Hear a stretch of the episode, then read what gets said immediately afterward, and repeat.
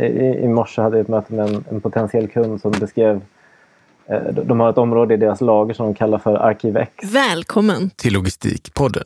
Om logistik, transport och supply chain management. Lo lo lo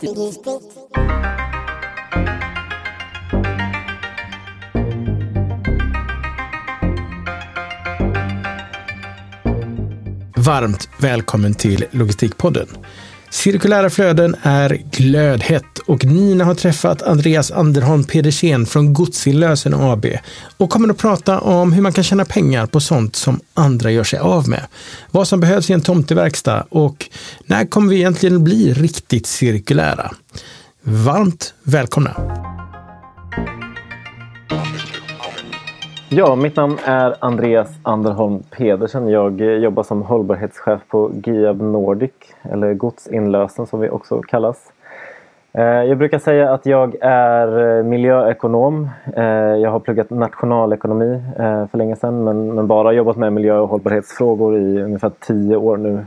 Och har väl alltid haft ett intresse för just ekonomi och miljö och hur man kan få ihop dem. Och ekonomi eller nationalekonomi är ju hushållandet av knappa resurser. Så att det för mig är ett väldigt viktigt perspektiv att få in i, när vi jobbar med hållbarhetsfrågor eh, där vi just har en jord. Vi har en, en viss mängd eh, resurser som vi behöver förhålla oss till helt enkelt.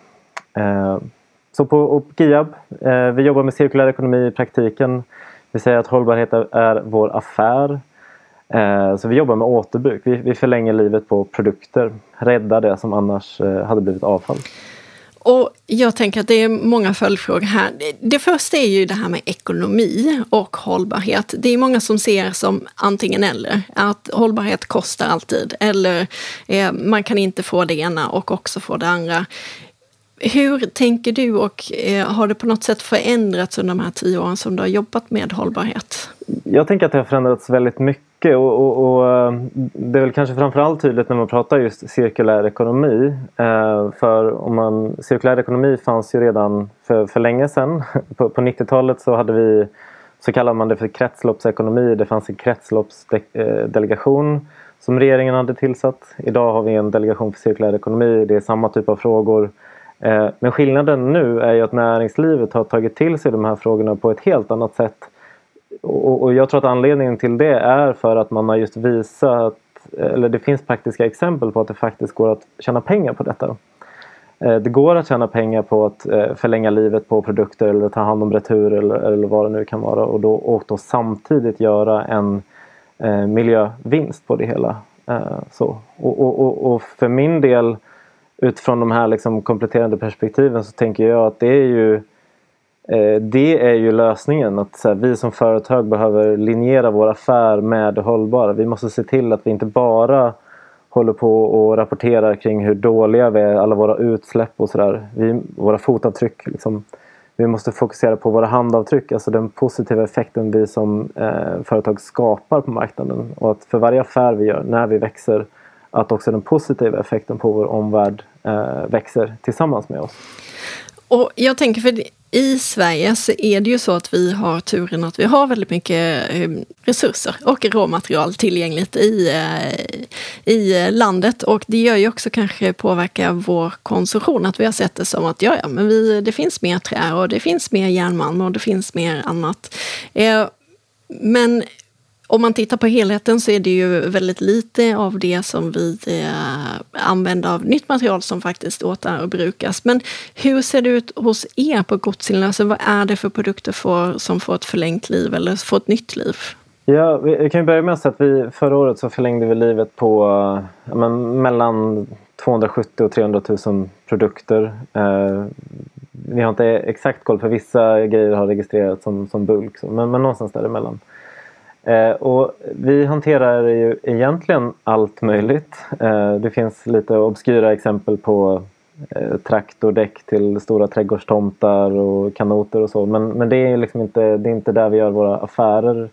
Ehm, utan större delen av våra affärer handlar ju om elektronik, det handlar om vitvaror, det handlar om möbler, olika typer av köksartiklar, det kan vara textilier och så vidare.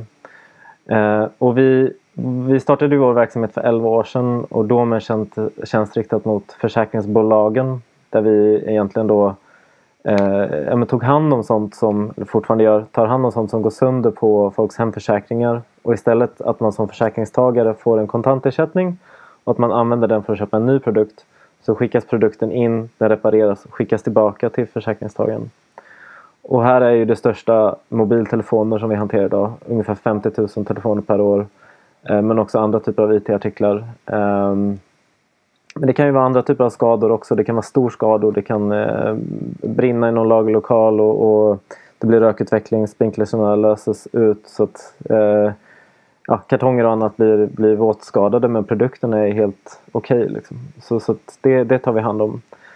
Eh, där jobbar vi med alla stora försäkringsbolag idag. Eh, det som inte går tillbaka till försäkringstagarna men det säljer vi via Returhuset som är vår egen e-handel. Eh, också ett varuhus i Staffanstorp.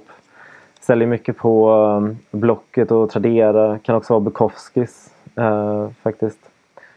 Och sen har vi ju då en, det andra affärsområdet som vi utvecklade eller startade för fyra år sedan ungefär. Eh, är ju en liknande typ av tjänst men riktat mot e-handeln och producenter, varuhus där vi just tar hand om returer, skadat gods, eh, reklamationer, ångerrätter och tar hand om det, förlänger livet på det egentligen. För om man ska titta på det ur ett hållbarhetsperspektiv, Eh, finns det vissa produkter som verkligen tjänar på att förlänga eh, tiden som de används? Ja, och, och, och egentligen så kan man säga som en generell grej kring eh, egentligen alla typer av produkter att den, om man tittar eh, på en produkts livscykel, alltså från att man, att man tar resurserna från jorden och de omvandlas till en produkt, de transporteras, säljs, används så eh, ta kläder som ett exempel. Där sker ju egentligen all miljöpåverkan i produktionsfasen.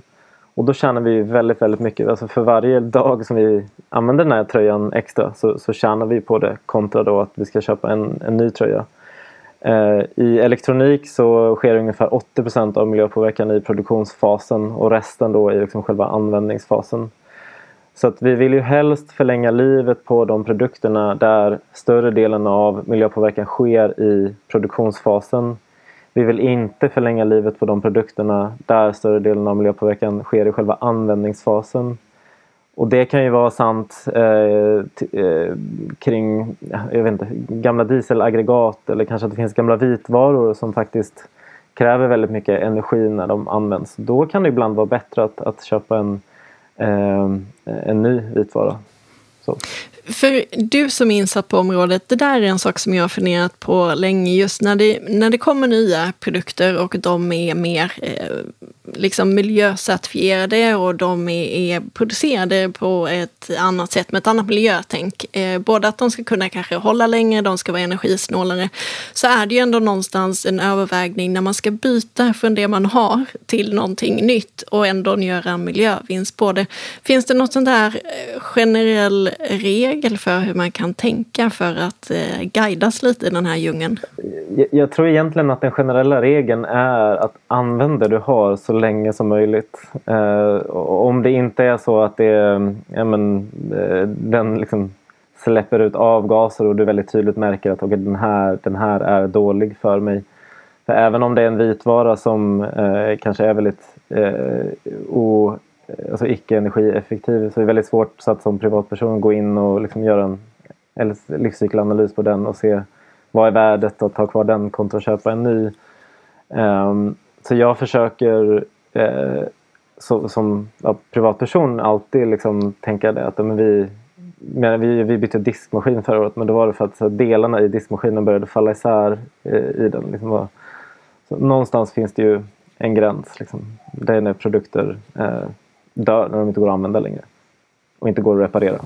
Nej precis, för det där har jag varit med om också. När, eh, när det faktiskt inte finns reservdelar längre, då är det också en sån eh, typiskt eh, problematisk övergång. Eh, då kan man ju faktiskt ha en produkt som, som funkar men det saknas en liten del och då, eh, då är det lite svårt helt enkelt. Men jag tänker, eh, när ni tittar framåt då, nu har det gått tio år, det har hänt väldigt mycket på de här eh, tio eller elva åren som, som ni har varit igång då. Var tror du att vi befinner oss om tio år? En jättesvår fråga, men du får ändå eh, titta i kulan. Mm, ja, men jag är sån, jag är liksom både pessimist och optimist. Jag tror, jag tror att den stora liksom pushen i omställningen kommer ske mellan 30 och 40-talet. Det är då vi liksom kommer ha fattat att shit, vi måste ställa om.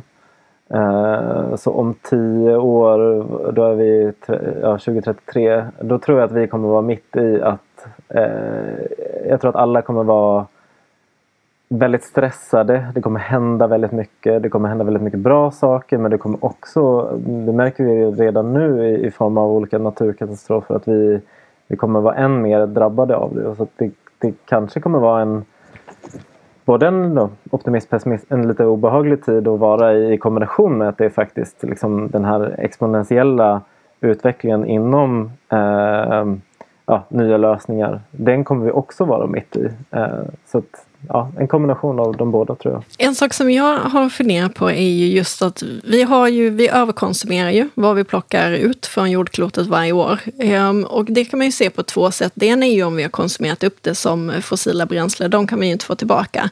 Ehm, men andra till exempel är som eh, olika typer av ehm, eh, råmaterial som man har plockat upp kan man tänka så att det egentligen då finns ett överskott? Vi behöver bara bli lite smartare på att, att återvinna det, men att man faktiskt, det finns en massa resurser som man redan har plockat upp som man borde kunna använda. Eller är det en idealistisk sätt?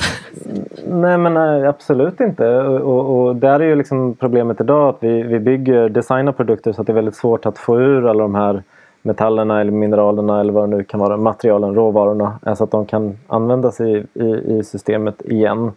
Eh, jag hörde för någon månad sedan att eh, New York, eller Manhattan tror jag det var, är, liksom, det är världens största koppargruva idag. Det finns mer koppar på hela Manhattan än vad det gör i någon annan gruva eh, i, världen idag. Liksom. Så materialen finns ju redan, de, men vi måste bara hitta sätt att, att plocka ur dem igen. Och framförallt sätt som är eh, ekonomiskt försvarbara. Och, och, och, det blir de ju inte när vi liksom bygger in produkter så att de är... Eh, det är för svårt att göra det helt enkelt.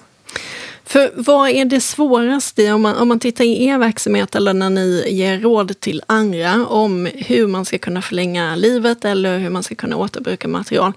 Är det just att, att liksom särskilja olika typer av materialkategorier och, och uppdatera dem? Eller vad är eh, det absolut svåraste i den här typen av cirkulära flöden? För, för vår del så skulle jag säga att vi, vi, har det, vi har det ju rätt så enkelt. Vi jobbar ju med, vi löser ett systemfel, att det, det slängs massa returer och det är, det är fullt fungerande produkter som vi kan liksom, ja, men vi jobbar med retur och logistik, att vi försöker liksom divergera om de flödena som går åt ett håll. Nu ska de gå tillbaka istället. Så att ofta är det produkter i väldigt bra skick eh, eller produkter som kanske behöver liksom dammas av eller i vissa fall repareras och att vi sätter tillbaka det på marknaden.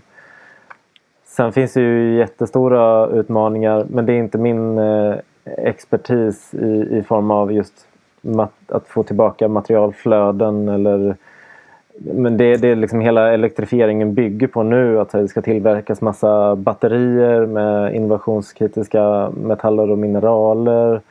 Då tar vi ut jättemycket nya resurser för dem men okej, okay, men hur ser vi till att de kommer tillbaka eh, och så vidare. Så att, kanske inte ett jättebra svar men, men, men jag tror att det, det svåra är ju just det att vi, vi får liksom inte bygga in eh, vi får inte bygga in oss i ett system där vi inte kan ta tillbaka allting som vi sätter på marknaden igen. Liksom. Det, oavsett om det är ett material eller om, eller om det är en produkt. Jag tänker om man tittar in i er business, hur ser det ut i er tomteverkstad? Vad behöver man för kompetenser för att eh, lyckas ändå ge de här produkterna ett, ett nytt liv? Vad är eh, kärnvärdena i det hela? Nej, men vi, vi brukar säga att vi har Eh, Eh, moderniserat den traditionella återbruksprocessen genom digitalisering. Eh, och, och, det har ju alltid funnits eh, verkstäder av olika slag, sömmerskor eller skoverkstäder och, och så vidare, men har ju, som har gjort det i, i mindre skala. Eh, men vi, vi kan då hantera 300 000 produkter per år tack vare att vi har digitaliserat hela processen. Så att det är ju och det brukar man säga som en generell grej att digitalisering är en möjliggörare för den cirkulära omställningen. Så att, eh, vi har ju ett, ett, ett stort dig digitaliseringsteam och utvecklare och, och så vidare. Eh, så att, som i, där vårt system egentligen är ett spårbarhetssystem. Så vi har ju full koll på grejerna som kommer till oss från Bauhaus eh, redan innan de har kommit hit så att vi vet hur vi ska hantera dem när de är här på plats. Eh, för en annan del är ju just människorna som är eh, i det eh, hela som just är snabba och effektiva på att värdera vad är det för typ av produkt. Var ska vi sälja den här typen av produkt för att få ut högsta möjliga värde på, på det hela.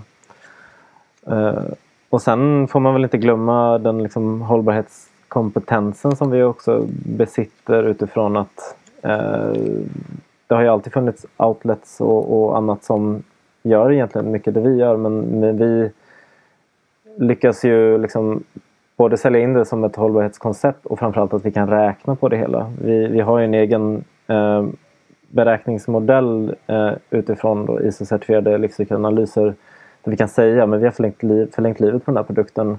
Det innebär att vi kan spara så här mycket eller vi har undvikit så här mycket eh, klimatutsläpp. Eh, så att koppla på det caset på på det vi gör egentligen. Men om jag då är försäkringstagare så säger vi att jag, jag har eh, tappat ner min eh, telefon i badvattnet här eh, och ska skicka in det. Är det direkt till er som jag skickar det då eller får ni det via försäkringsbolagen eller hur fungerar det rent praktiskt? Det, det skickas in direkt till oss Eh, och eh, inom försäkringsområdet eh, så funkar det på det sättet och kopplat till e-handeln så ser det lite olika ut. Vi har, eh, I vissa fall kan man gå in på eh, en e-handlare och så vill man lämna tillbaka en, en produkt, det blir en retur. Då skriver man in det i returformuläret på aktörens hemsida men det är egentligen vårt returformulär så, så det, och då skickas det direkt till oss. Eh, I andra fall så kanske produkterna eh, eh, ja, samlas hos en aktör och sen när de liksom, pallarna är fulla då skickas de eh, iväg till oss.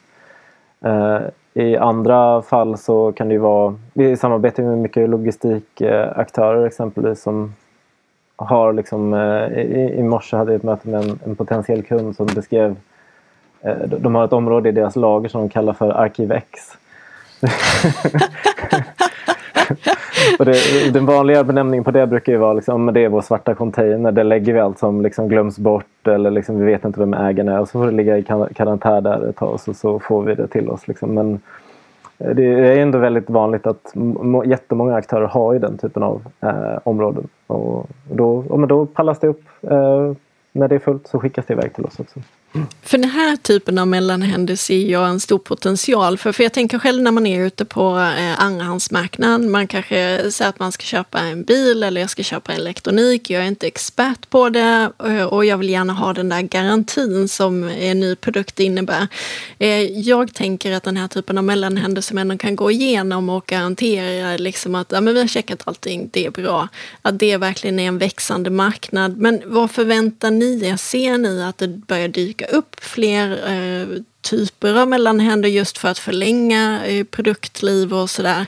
Eller eh, är ni ändå fortfarande en av de få som ser potentialen i det här flödet? Jag menar, absolut att det dyker upp fler och fler men sen är ju de flesta ändå eh, rätt så små eh, fortfarande. Eh, och det vanliga är väl att eh, som återbruksaktör så fokuserar man på en vertikal. Eh, vi fokuserar ju på på allt. Vi har verkligen eh, helheten.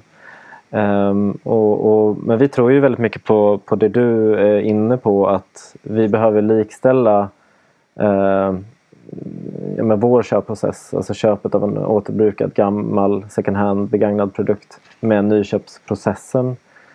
Eh, det ska inte vara känslan av att man, man går på loppis och man vet inte riktigt vad det är man får utan vi har ju garantier kopplat till det vi säljer Eh, Eh, vi jobbar med skickgradering på vår e-handel så man tydligt ska veta att ja, den här telefonen eller vad det nu är den har det här skicket och då kan man förvänta sig eh, ja, man, man vet tydligare vad man kan förvänta sig. Eh, och här jobbar ju vi eh, jag är exempelvis ordförande i Hållbar e-handels eh, arbetsgrupp inför Recommerce. Och Recommerce är en benämning för liksom hela, vårt, eh, hela vår bransch egentligen. Um, där vi håller på att titta på att ta fram en, en branschgemensam skickgraderingsmodell så att det kan vara jämförbart. Att men, en telefon har skickbeskrivningen mycket bra hos oss. Den har också det hos en annan aktör och det är exakt samma grej. för att skapa den här tryggheten och eh, ja, känslan av mognad i, i branschen egentligen. Jag tänker, jag jobbade en del med hjälpmedelscentraler. Det är de här som har hand om alla typer av hjälpmedel. Allt från kryckor och rullatorer till eh, ja, man behöver specialstol eller någonting. Eh, och där var det ju verkligen så att de har en måleriverkstad, de har olika verkstäder för olika Hos er, ser det likadant ut? Det vill säga att ni har olika typer av verkstäder eller skickar ni er tur vidare till specialister på mobiltelefoner eller vad det nu råkar vara? Nej, vi har e- egna verkstäder eh, på plats här i, i Staffanstorp och vi, vi reparerar ju eh, produkter där det är ekonomiskt försvarbart att göra det, eh, vilket eh, oftast är elektronik. Eh, och generellt liksom hög färdiga produkter då är det oftast ekonomiskt försvarbart att gå in och reparera det och sen sätta tillbaka på marknaden.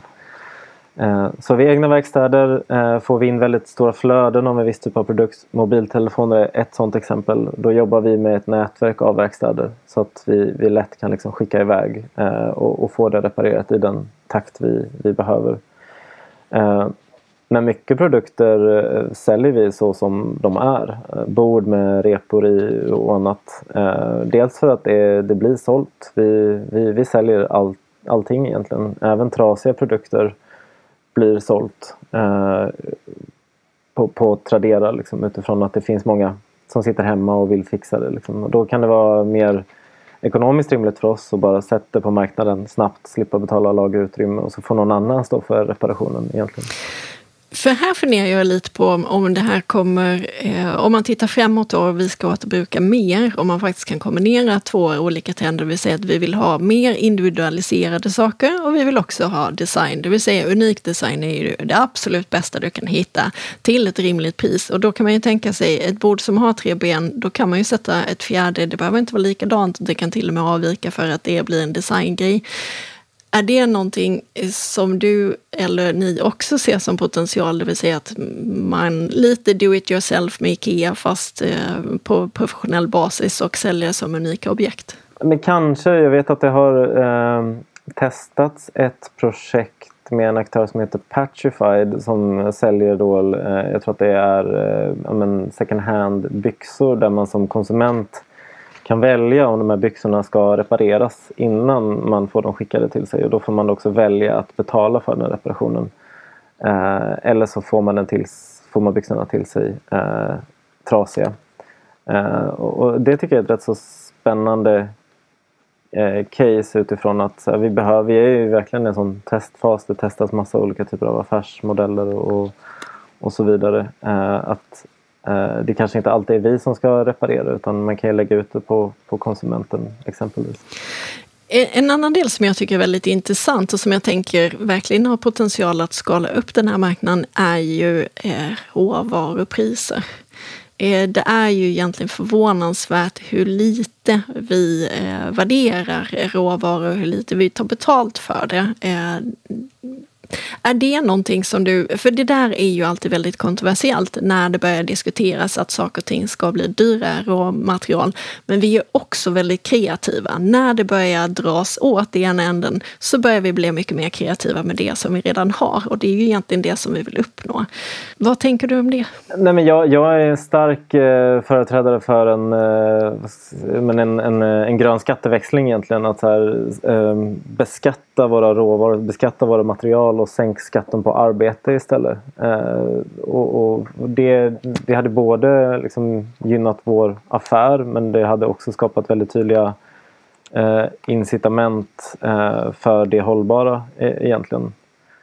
Eh, jag, jag, brukar tänka på när jag, när jag pluggade så var jag eh, på något studiebesök på eh, Ferraris eh, huvudkontor i, utanför Bologna någonstans Uh, och det var någon chef där som sa uh, att här, ah, I don't believe in climate change.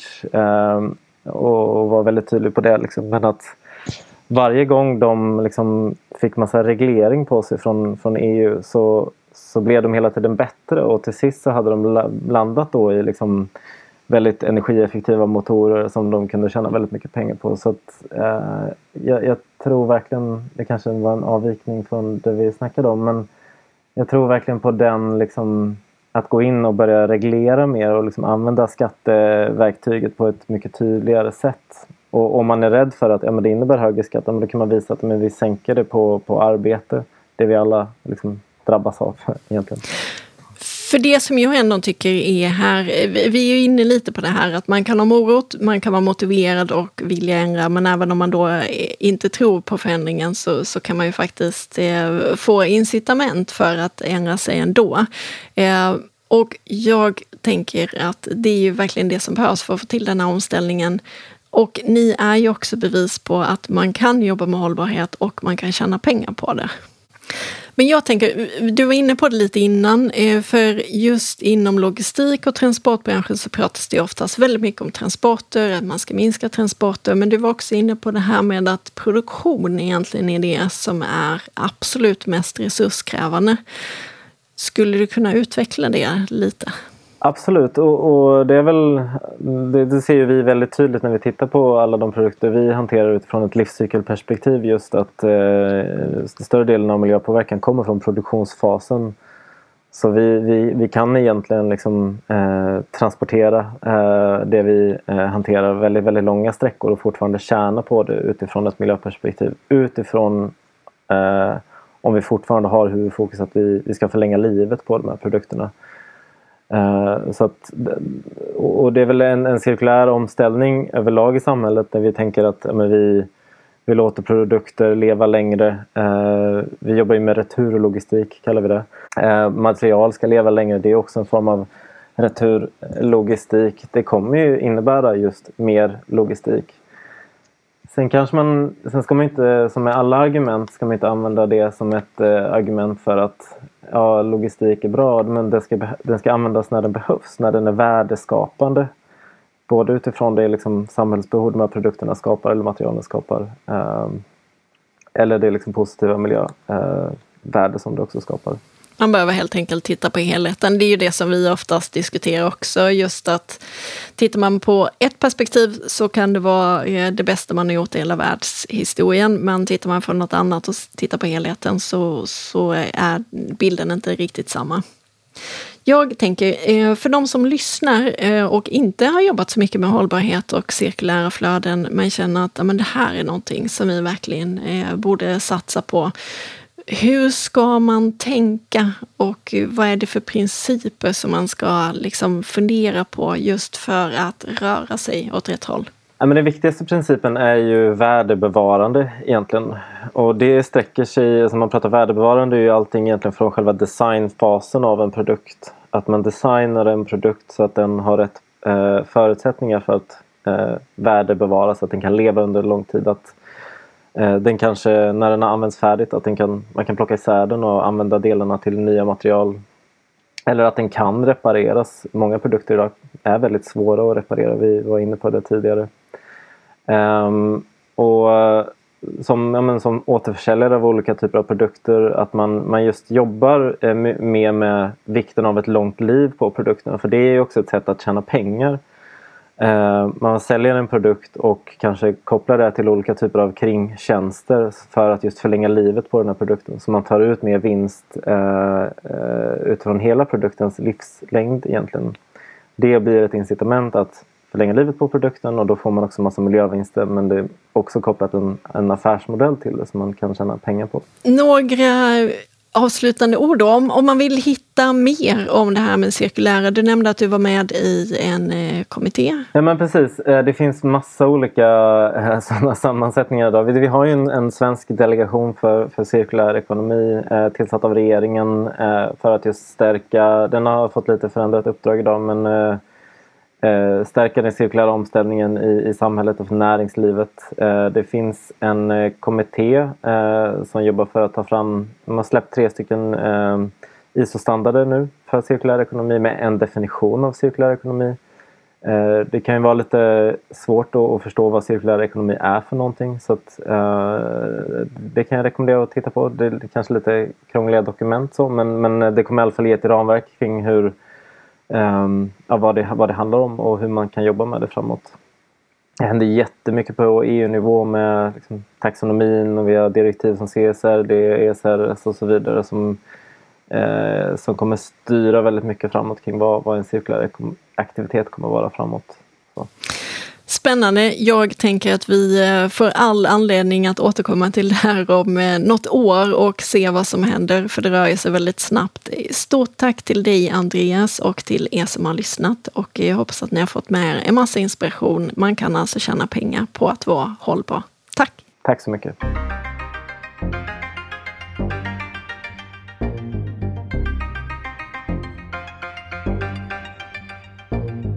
Varmt tack för att du har valt att lyssna på Logistikpodden.